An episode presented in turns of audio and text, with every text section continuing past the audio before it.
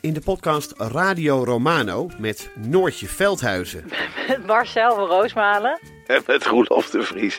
brengen we alle drie elke week een zogenaamde signalering mee. Wat heb jij nou weer bij je? En aan het eind bepalen we wie de winnaar van de week is. Echt een angstcultuur Lege huls die je er bent? Ja, dat gaat eigenlijk altijd onvriendelijk. Luister nu naar Radio Romano bij Podimo. Via podimo.nl slash Radio Romano luister je 30 dagen gratis. Kijk, het gesprek begon ogenschijnlijk over het onrecht dat mensen wordt aangedaan als er zo'n vernietigende recensie wordt geschreven. En wat dat met mensen doet. Ja. Daar leek het gesprek over te gaan. Maar gaandeweg, en dat is dankzij goed redactiewerk van mijn eh, redacteur destijds, blijkt dat die test niet deugt. Via podimo.nl slash gonzo luister je de eerste 30 dagen gratis naar Podimo. podimo.nl slash gonzo. Hallo, dit is de wekelijkse podcast van de Groene Amsterdammer. Ik ben Kees van der Bos.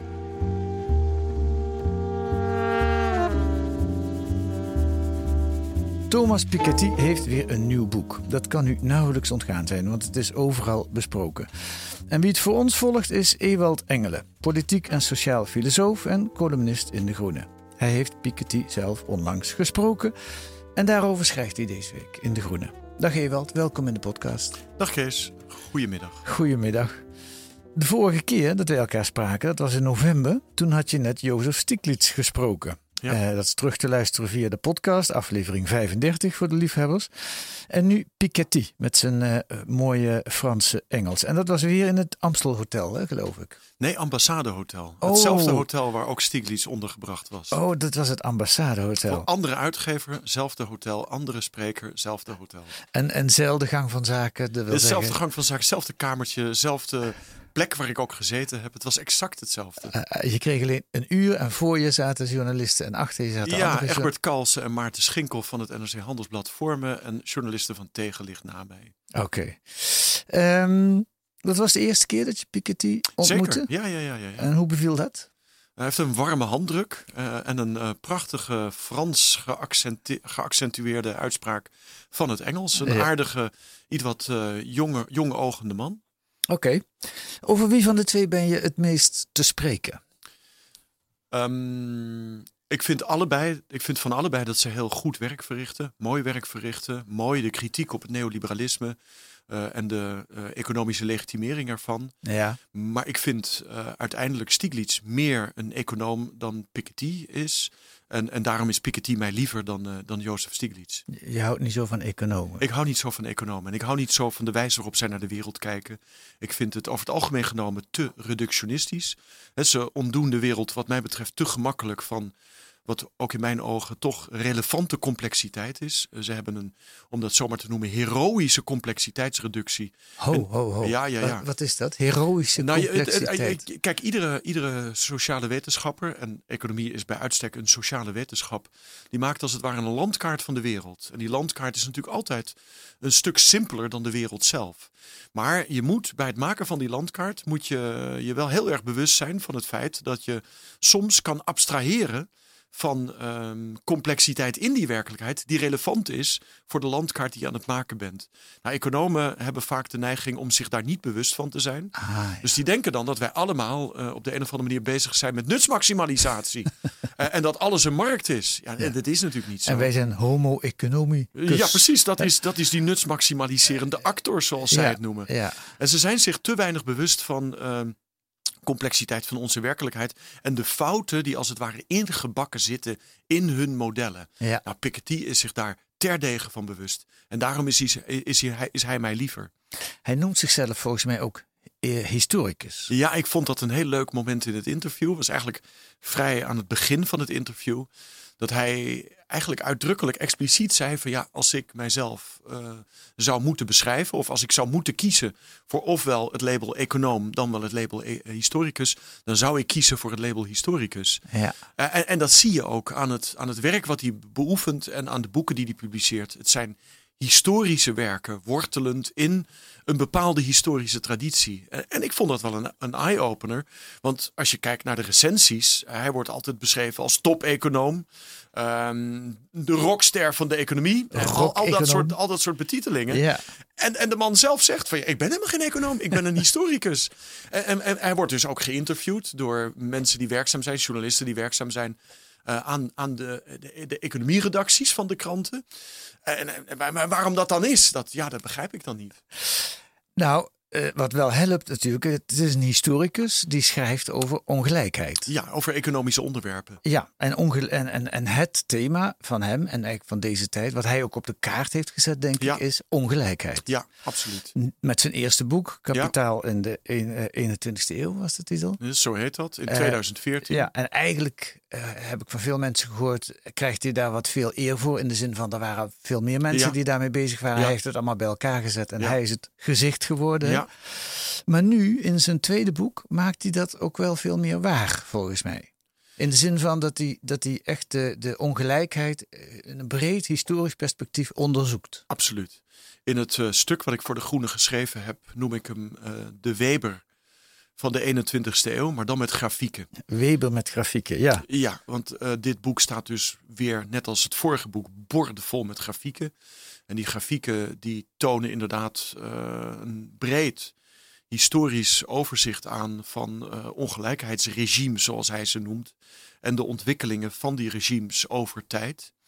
Ehm, en wat dat betreft, net als Weber, Weber, Weber was ook iemand die eh, zich absoluut niets gelegen liet liggen aan wat dan eh, ex, eh, wat is het, periode-experts of regio-experts deden. En die verzamelden eigenlijk al die bevindingen van die periode- en regio-experts. En die vatten dat samen in bijvoorbeeld een, een groot economisch-historisch overzicht. Ja, Dat deed Weber. Nou, Piketty doet exact hetzelfde. En, en, en komt daarmee dus inderdaad met een veel breder perspectief op eh, eh, ongelijkheidsontwikkelingen. Wereldwijd, eh, eigenlijk op de hele planeet. Hè? Van, van China naar India, naar Brazilië, naar de Verenigde Staten. Van voor 1860, de burgeroorlog. Ehm, en ja, alles wat er zich heeft afgespeeld in Oost-Europa, West-Europa en de Verenigde Staten sinds die tijd. Bewonderenswaardig. ja, en een enorm dik boekwerk ook. Dus. Een enorm dik boek. ehm, maar wel meer- goed, goed te lezen. goed te lezen. Eh, je moet wel wat geduld hebben. Hij zegt zelf dat Kindle data leren dat je er 30 uur over doet. Ja. Nou, dan moet je stevig door, door, doorpoten, aanpoten. Ja. Eh 1200 pagina's, meer dan 200 grafieken, eh, 18 tabellen, eh, duizenden verwijzingen naar andere literatuur. Eh, encyclopedisch. Dat Ja. is eigenlijk het enige woord wat, je, wat, wat, wat, wat, wat, wat, wat dekt wat er in dat boek gebeurt. Wil je de microfoon nog iets dichter naar je toe trekken? Ja, absoluut. Dan wordt het nog duidelijker. Je noemde Max Weber. Aan het eind vergelijk je Piketty met Karl Marx. Ja. Ehm, het is ook een beetje de Marx van deze tijd. Nou, ik noem hem uiteindelijk toch de Weber van deze tijd. Omdat net als Weber en anders dan Marx er, er eigenlijk niet zoveel, ehm, om dat zomaar te noemen, eh, oorzakelijke theoretische verklaringen worden gegeven voor wat er binnen die ongelijkheidsregimes gebeurt. En waarom die ongelijkheidsregimes aan hun einde komen. Marx had veel meer dan Piketty een eh, theorie van het kapitalisme, waarin die ook, eh, waarmee die kon aangeven wat er binnen het kapitalisme gebeurde. Kapitalisme werd door Marx ook expliciet als dynamisch gepresenteerd. En dat gebeurt bij Piketty eigenlijk veel minder. Hij is een soort postzegelverzamelaar, net als, net als Weber dat was. Verschillende om dat zomaar te noemen. Het klinkt wat, wat, wat, wat, wat, wat, wat, wat sociaal-wetenschappelijk, maar verschillende ongelijkheidsregimes heeft hij verzameld. Hij beschrijft die regimes met ontzettend veel detail. En dat doet hij zeer bewonderenswaardig. Hij is zelf geen regio-expert of een periode-expert. Ehm, maar als generalist heeft hij dus al die inzichten van die regio- en periode-experts heeft hij verzameld. Dat zie je dus ook in de voetnoten. Maar vervolgens worden die arrangementen of ongelijkheidsregimes, zijn woord, die worden eigenlijk vrij statisch gepresenteerd. En hij mist als het ware een, een historische ontwikkelingstheorie. Die Karl Marx wel had. Ja. Dus Karl Marx was de theoreticus van eh, het kapitalisme. En hij is eigenlijk meer de verzamelaar van het, eh, van het kapitalisme. Laten we het stukje naar hem gaan luisteren. En volgens mij is het een stukje wat ook vrij bepalend is voor zijn, ehm, eh, voor zijn ideeën, namelijk het belang van ideologie, of ook wel narratief, het verhaal achter ongelijkheid. Ja. Eh, daar komt hij met zijn charmante Engels. Het is eh, overigens van de website van ehm, Financial Times, waar hij werd geïnterviewd. Ja. So lots of examples showing that there's nothing natural in the way uh, social and economic inequalities are organized in, in any given place. It really depends on the, the imagination of societies and also the ability of the different sort of narratives on inequality to, to win the day. Uh, through mobilizations, through uh, uh, political platform, and I think it will be the same in the future. Met andere woorden, ongelijkheid wordt altijd gerechtvaardigd. Zo vertaal ik het maar even met een verhaal. Ja. En dat... wat, wat er in dit citaat gebeurt, is eigenlijk ook veelzeggend voor wat er in het boek gebeurt: kapitaal en ideologie. Vertel. Er is, er is maar één actor die handelt in dat citaat. En het, de actor die handelt is het narratief. Dus eigenlijk zegt hij uh, dat de ongelijkheidsregimes die je uh, ook in het hyperkapitalisme van heden, dagen, heden ten dagen aantreft, wordt veroorzaakt door het narratief dat wij vertellen. Het is dus niet een legitimering achteraf, een rationalisatie. Nee, het narratief is een blauwdruk.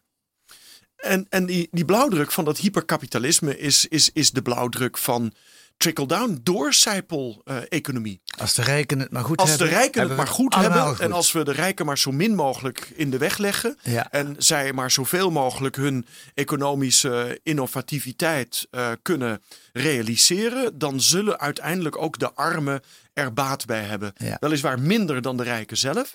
Maar ze zullen er beter af aan, aan toe zijn dan als wij de rijken zouden uh, obstructies in de weg zouden Ja. leggen via belastingwetgeving of weet ik veel wat. Dat is eigenlijk, en die, dat narratief heeft als het ware de verdeling van schaarse hulpbronnen veroorzaakt.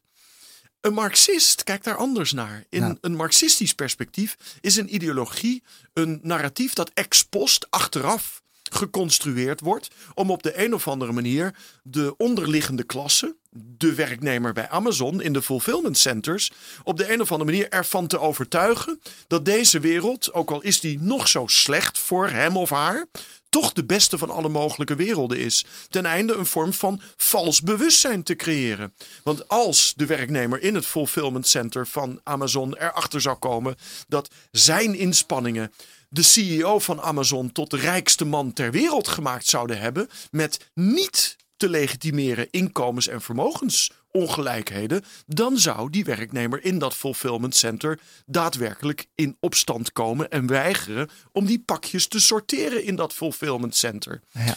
En dat is een heel ander perspectief op ideologie. En daarom ook dat ik aan het einde van mijn stuk, mijn interview met uh, Piketty, uiteindelijk de voorkeur geef aan Marx, omdat Marx' perspectief op het kapitalisme op de een of andere manier de kwetsbare, de uitgebuitene, uh, de vervreemde, um, de uitgerangeerde van onze samenleving een politiek wapen in handen geven met behulp waarvan zij gemobiliseerd kunnen worden en politiek actor kunnen worden. Arbeiders, alle landen. Verenigt u.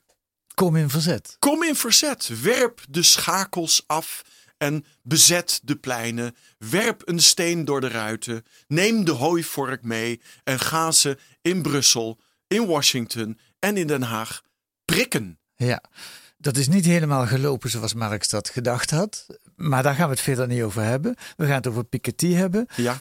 Als hij dan niet met de hooivorken komt en met stakingen, hoe moet het? Want hij is ook niet voor die ongelijkheid. Hij wil wel dat die verdwijnt. Hoe moet Ja. het dan opgelost worden? Wat hij doet, en dat zijn twee belangrijke stappen in iedere ehm, hervorming.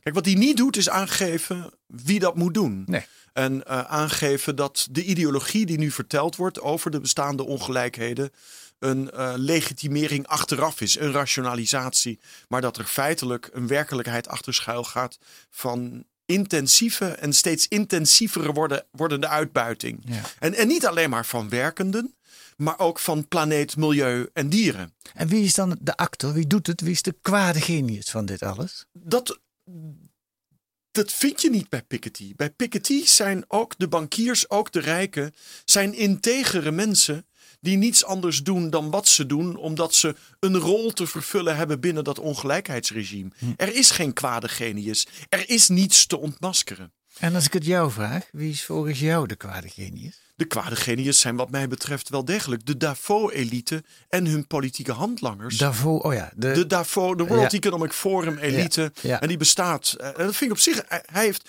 een aantal fantastische hoofdstukken. waarin hij het dus heeft over de, de, de, de, de, de mergent right en de Brahmin left. De mergent right zijn dus inderdaad de Davos-elite met hun politieke handlangers. En de Brahmin left zijn mensen zoals jij en ik. Academisch hoog opgeleid. Wij hebben enige baat bij het neoliberale discours en de mondiale economie. We hebben een redelijke po- inkomenspositie. We hebben ook een redelijke vermogenspositie, want we hebben allemaal een pand in Amsterdam kunnen kopen. Eh, en wij. Nou, ik de, niet, maar goed, de politieke Ja. strijd die wij uitvechten is een cultureel-identitaire strijd. En wij voelen ons eigenlijk niet heel erg solidair meer met de witte, werkende, laag opgeleide klasse die van voetballen houdt, een tattoo heeft en al die andere clichés die daarbij horen. gele hesjes dragen De misschien. gele hesjes dragen, exact. Ja.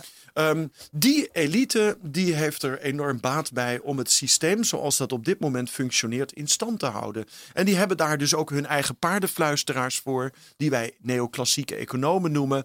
En die hebben daar hun politieke handlangers eh, voor. Die zitten op dit moment in het torentje. En die zijn altijd bereid om voor Paul Polman, de CEO van Unilever, de dividendbelasting af te schaffen als Paul Polman dat nodig heeft. Ook al is Rutte daar niet in geslaagd. Die hebben er baat bij. En wat mij betreft moet het dus inderdaad, eh, er moet ontmaskerd worden. Eh, het onderliggende systeem moet zichtbaar gemaakt worden. Het verhaal moet gecontrasteerd worden. Het narratief moet gecontrasteerd worden met de realiteit. Ten einde uit die kloof die gaapt tussen verhaal en realiteit een te mobiliseren klasse te eh, destilleren die daadwerkelijk met allerlei parlementaire en buitenparlementaire instrumenten gaat proberen om verandering af te dwingen. Ja. Piketty heeft een totaal andere visie over hoe dat moet. ja, laten we eens luisteren naar de oplossing van Piketty. Die zit weer, eh, dat heeft hij zelf bedacht. Dus even kijken waar die staat.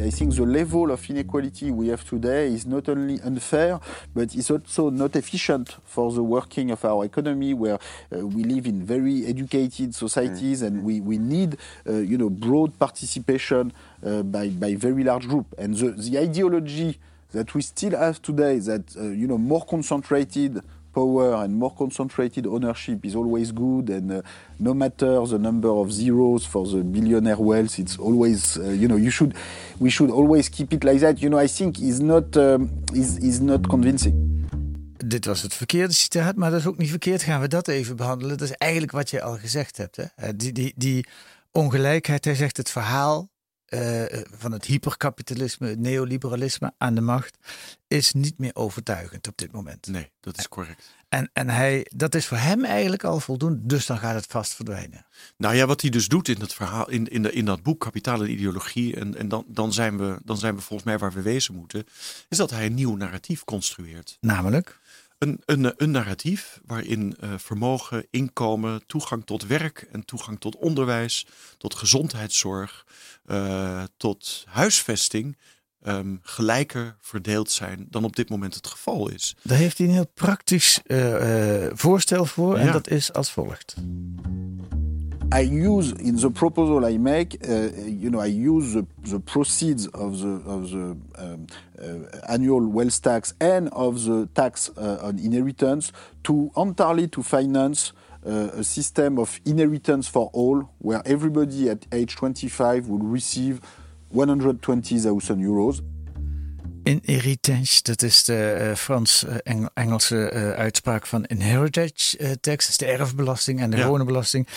Iedere wereldburger krijgt eh, op de leeftijd van 25 jaar 125.000 Ja. euro. En dan kan hij ook zo'n pandje in Amsterdam, nou ja, een stukje ervan Stukje ervan. kopen. Ja. Dat is zijn oplossing. Ja, wat hij dus eigenlijk doet, hij doet twee dingen. Hij komt met een pakket aan belastingmaatregelen die vooral gericht zijn op de extreem rijken. Uh, en daar kan dus inderdaad bij de extreem rijken, de miljardairs, kan de belastingdruk oplopen tot 90 Ja. Uh, op iedere marginale euro die daar nog een keer bij komt. En dat doet hij in de vorm van een vermogensbelasting, die veel hoger is dan de huidige vermogensbelasting. En via een successiebelasting. Ja, uh, even tussendoor, dat lijkt heel hoog, maar in Amerika hadden ze zo'n belasting nee, tot, tot aan 1970 of zo. Ergens in de jaren 70 is dat afgeschaft. Dus zo gek is het eigenlijk nee, nee, nee, nee, nee. En, en, de, en de opbrengsten van die nieuw in te voeren belastingen, die hij natuurlijk eigenlijk op wereldschaal liefst ingevoerd zou willen worden, maar ook snapt dat dat niet kan. Dus hij stelt Europa voor, de Europese Unie. Dat wil hij gebruiken voor het uh, in feite uh, gunnen van iedere nieuwe burger op 25-jarige leeftijd van 125.000 uh, euro aan vermogen. Hij wil een basisinkomen introduceren en hij wil uh, een duurzaamheidstransitie daarmee financieren. En wat hem betreft is dat uh, kostendekkend en daarmee is ook het plaatje rond. Ja. dus een nieuw narratief, Ja. een nieuwe, een nieuwe theorie van rechtvaardigheid die hij uitwerkt. En hij, hij doet dus eigenlijk twee dingen. Hij zegt ten eerste, er is niets natuurlijks aan onze huidige ongelijkheden. Ze zijn de uitkomst van politieke keuzes. Die horen bij het vorige ongelijkheidsregime. Het vorige ongelijkheidsregime is in toenemende mate, in afnemende mate overtuigend. We hebben een nieuw ongelijkheidsregime nodig. Met een nieuw narratief. Daar ontwikkelt hij een rechtvaardigheidstheorie voor. En, en, de, en, en de uitwerking daarvan is die twee belastingen. En vervolgens een basisinkomen, transitie naar duurzaamheid en een vermogen dat je krijgt op je, op je 25ste, 25ste le jaar, levensjaar. Dat is zijn alternatief. En hij, dat, boek, dat boek zelf is niets anders dan eigenlijk een heel dik 1200 pagina politiek pamflet. Met behulp waarvan hij ons allemaal, te beginnen natuurlijk met de machthebbers, wil overtuigen van de noodzaak om de ommezwaai te maken naar een nieuw ongelijkheidsregime. Ja, nou is het boek zo dik dat we er wel barricades van kunnen gaan bouwen. Absoluut. Daar zou het voor werken. Maar wat is er mis met dit voorstel? Het is een fantastisch voorstel, um, maar er wordt met geen woord gerept over hoe je de huidige situatie kunt veranderen en dit voorstel ook daadwerkelijk kunt introduceren. Hoe van nu we naar die ja, hoe je van A naar B komen. komt. Ja. En uh, dat, daar wil je natuurlijk eigenlijk wel iets over horen. Want ja, alleen maar de mededeling dat het en moreel niet rechtvaardig is en niet economisch efficiënt is. Ja, dat is niet overtuigend genoeg om de Ruttes van deze wereld en de Paul Polmans van deze wereld ook daadwerkelijk zo gek te krijgen om een groot deel van hun macht af te staan en een groot deel van hun vermogen af te staan. Dus je zult op de een of andere manier ook een theorie moeten hebben onder welke omstandigheden wie uiteindelijk de politieke actor moet gaan worden die ervoor gaat zorgen dat onwillige wetgevers ook daadwerkelijk deze belastingen gaan introduceren. En daarover zwijgt Piketty in alle talen. En daar was, dat zeg ik dus ook aan het einde, iemand als Karl Marx, die in Das Kapitaal zowel het een als het andere deed, toch echt wat intelligenter in. In ons enthousiasme gaat de microfoon weer een beetje verdwijnen. Trek ja, hem wat mijn, mijn, mijn, mijn mond verplaatst langzamerhand. Uh, ik ben heel benieuwd naar, uh, daar hebben we straks nog een paar minuten voor om die klasse uit te vinden die dat moet gaan Ja. doen. Eerst wil ik iets anders doen, want je hebt in, in het tweede uh, opzet van het artikel heb je een laatste alinea toegevoegd die er oorspronkelijk niet uh, in zat. En uh, die, die, daar beschrijf je een, een, een, mooie scène van je bent klaar met het interview, je loopt naar buiten, de journalisten van tegenlicht uh, nemen, je- gaan op jouw stoel zitten en gaan, uh, gaan verder met Piketty. En dan zie je iemand lopen met een mondkapje. En denk Ja. je, shit, Ja. de coronacrisis, daar heb ik, helemaal, heb ik het helemaal niet over gehad met Piketty. Nee, Ik dacht toen ik dat las, nou en, is dat zo belangrijk dan? ja, ja. Kijk, als je, als je, dat, als je het boek van, van Piketty leest, Kapitaal en Ideologie, wat dus eh, eeuwen omspant Ja. eh, en wat allerlei continenten omspant, dan ehm, krijg je een idee van historische tijd als een traag stromende rivier. Ehm, met af en toe breukmomenten. En die breukmomenten die eh, ziet hij dus ook uiteindelijk als het einde van zijn ongelijkheidsregime. Zij heeft het over 1789, de Franse revolutie. Hij heeft het over 1917, de Russische revolutie. Hij heeft het over de Amerikaanse burgeroorlog van 1860, 1865. Alle revoluties Hij heeft het over de, over de twee wereldoorlogen in Europa, die dus allemaal breuklijnen vormen. En, en- maar, die, maar die komen als het ware van buiten. Dus, dus het, het, het, het, het- Die komen langs. die komen langs. En die, en die, die betekenen dan het einde van zo'n ongelijkheidsregime. Maar, maar de gedachte dat die breuken ook iets te maken hebben met de werking, de dynamiek van die ongelijkheidsregime zelf, dat, dat ontbreekt. 2008 komt langs. Maar 2008 is heel duidelijk een voortvloeisel van het hyperkapitalistische ongelijkheidsregime. De financiële crisis. De, ja, die heeft diepe wortels. Die reiken terug tot de jaren 50 en 60. Dat is geen toeval. Is geen toeval. Is niet, om dat in sociaal-wetenschappelijke termen te verwoorden, dat is niet exogeen aan dat ongelijkheidsregime. Nee, dat is endogeen aan het ja. ongelijkheidsregime. Het is een uitvloeisel van de dynamiek van het ongelijkheidsregime zelf. Okay, en, en, en, en, dat betekent dat, dat hyperkapitalisme, dat mondt op dit moment uit in in allerlei crisisverschijnselen. 2008 was er één. Het coronavirus is een tweede. Ja, dat wil ik net naartoe. Maar dat is toch exogeen, denk ik dan? Nee, dat is endogeen aan het hyperkapitalisme. Het komt van binnenuit. Het komt van binnenuit. Het heeft alles te maken met de immense kwetsbaarheid van onze mondiale productienetwerken. Eh, die mondiale productienetwerken die zijn als een mechanisch horloge waarin alles in elkaar grijpt. Iedere buffer is er uitgehaald. Het is een just-in-time delivery systeem van over de hele wereld. Fabelachtig zit het in elkaar eigenlijk. Fabelachtig zit het in elkaar. Het is niet ontworpen, het is over tijd tot stand gekomen. Maar het is uiterst kwetsbaar en het creëert zijn eigen doodgravers, om het Marx te spreken. En het virus is één van die doodgravers. Net zo goed als de verpakte hypotheekproducten in 2008 een doodgraver werden. En dit is dus, het creëert een moment waarop wij politiek ten eerste uh, zicht krijgen op hoe ongelooflijk ingewikkeld en kwetsbaar het systeem is. En waarin we ook de mogelijkheid op een presenteerblaadje aangeboden krijgen om het te veranderen. Want het is gebaseerd op uitbuiting. Uitbuiting van planeet, uitbuiting van grondstoffen, uitbuiting van arbeid. Dit is een Piketty-moment. En daarom had ik het hem moeten voorleggen. Ik had hem moeten vragen: Thomas, is dit moment, de crisis die gecreëerd wordt door het coronavirus, waarvan we niet weten hoe het zal aflopen en niet weten wanneer het zal eindigen, is dat niet bij uitstek het politieke moment waarop het voor ons allen mogelijk wordt om jouw prachtige belastingplan en jouw prachtige plan van vermogensherverdeling, om dat politiek te realiseren. Omdat we nu met z'n allen zien hoe unfair het is. Hoe diep geworteld het systeem is in ons dagelijks leven. En hoe um, wrang het eigenlijk werkzaam is. En zouden we dus nu niet de politieke klassen moeten kunnen verzamelen om op de een of andere manier bij de regeringscentra de claim neer te leggen. Het moet anders. Het moet billijker. Het moet rechtvaardiger. En het moet vooral duurzamer. Ja, maar nu krijg je te maken, denk ik, met de kracht van een narratief, met de kracht van een ideologie. Want hoe wordt het coronavirus aan ons gepresenteerd? Hoe beleven wij dat? Als iets van buiten. Ja, is toeval. Het zijn de wilde dieren die het uiteindelijk um, in onze voedingssystemen terecht hebben doen komen. Ja. En, en daardoor krijgen we nu deze disrupties in onze mondiale productienetwerken. Ja, en, en, en wij mogen dan, als we elkaar net zien, de hand niet schudden. En daarmee hopen we dat te bestrijden. Ja, precies. Maar het is niet uh, virussen alle landen verenigt u of... Maar, maar daarom ook dat dit boek van Piketty uiteindelijk toch ook teleurstellend is.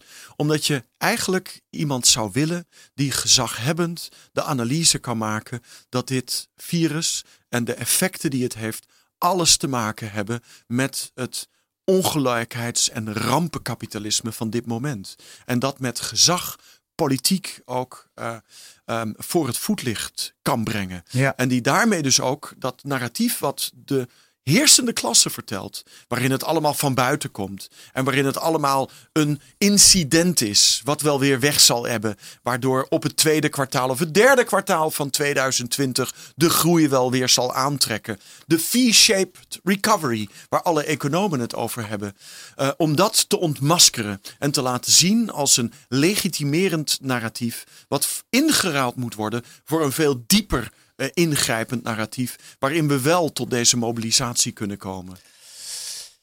We zijn aan het einde van dit gesprek gekomen, Ewald. Ik, ik stel voor dat jij dat boek gaat schrijven. Uh, waar welke, welke klasse op welke manier in, in verzet moet komen tegen dit huidige narratief, om het zo maar te noemen. En ik denk dan dat ik dat toch in een wat andere taal zal moeten doen dan Piketty gedaan heeft. En dat ik dat in ieder geval in, uh, wat zal het zijn, een 10% van de omvang van zijn boek zal moeten doen. En jouw Engels is ook vast iets beter dan dat van Piketty. Daar ga ik me niet over uitlaten. De volgende keer gaan we het daar uitgebreid over hebben. Dankjewel voor dit gesprek. Dankjewel.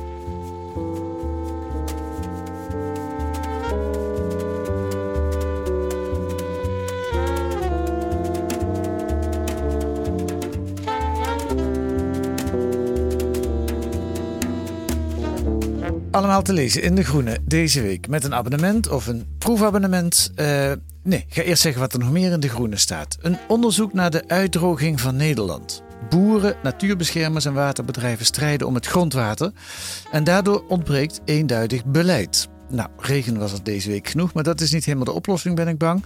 En een reportage uit het voormalige rode bolwerk Corby dat bij de laatste verkiezingen in Engeland conservatief stemde.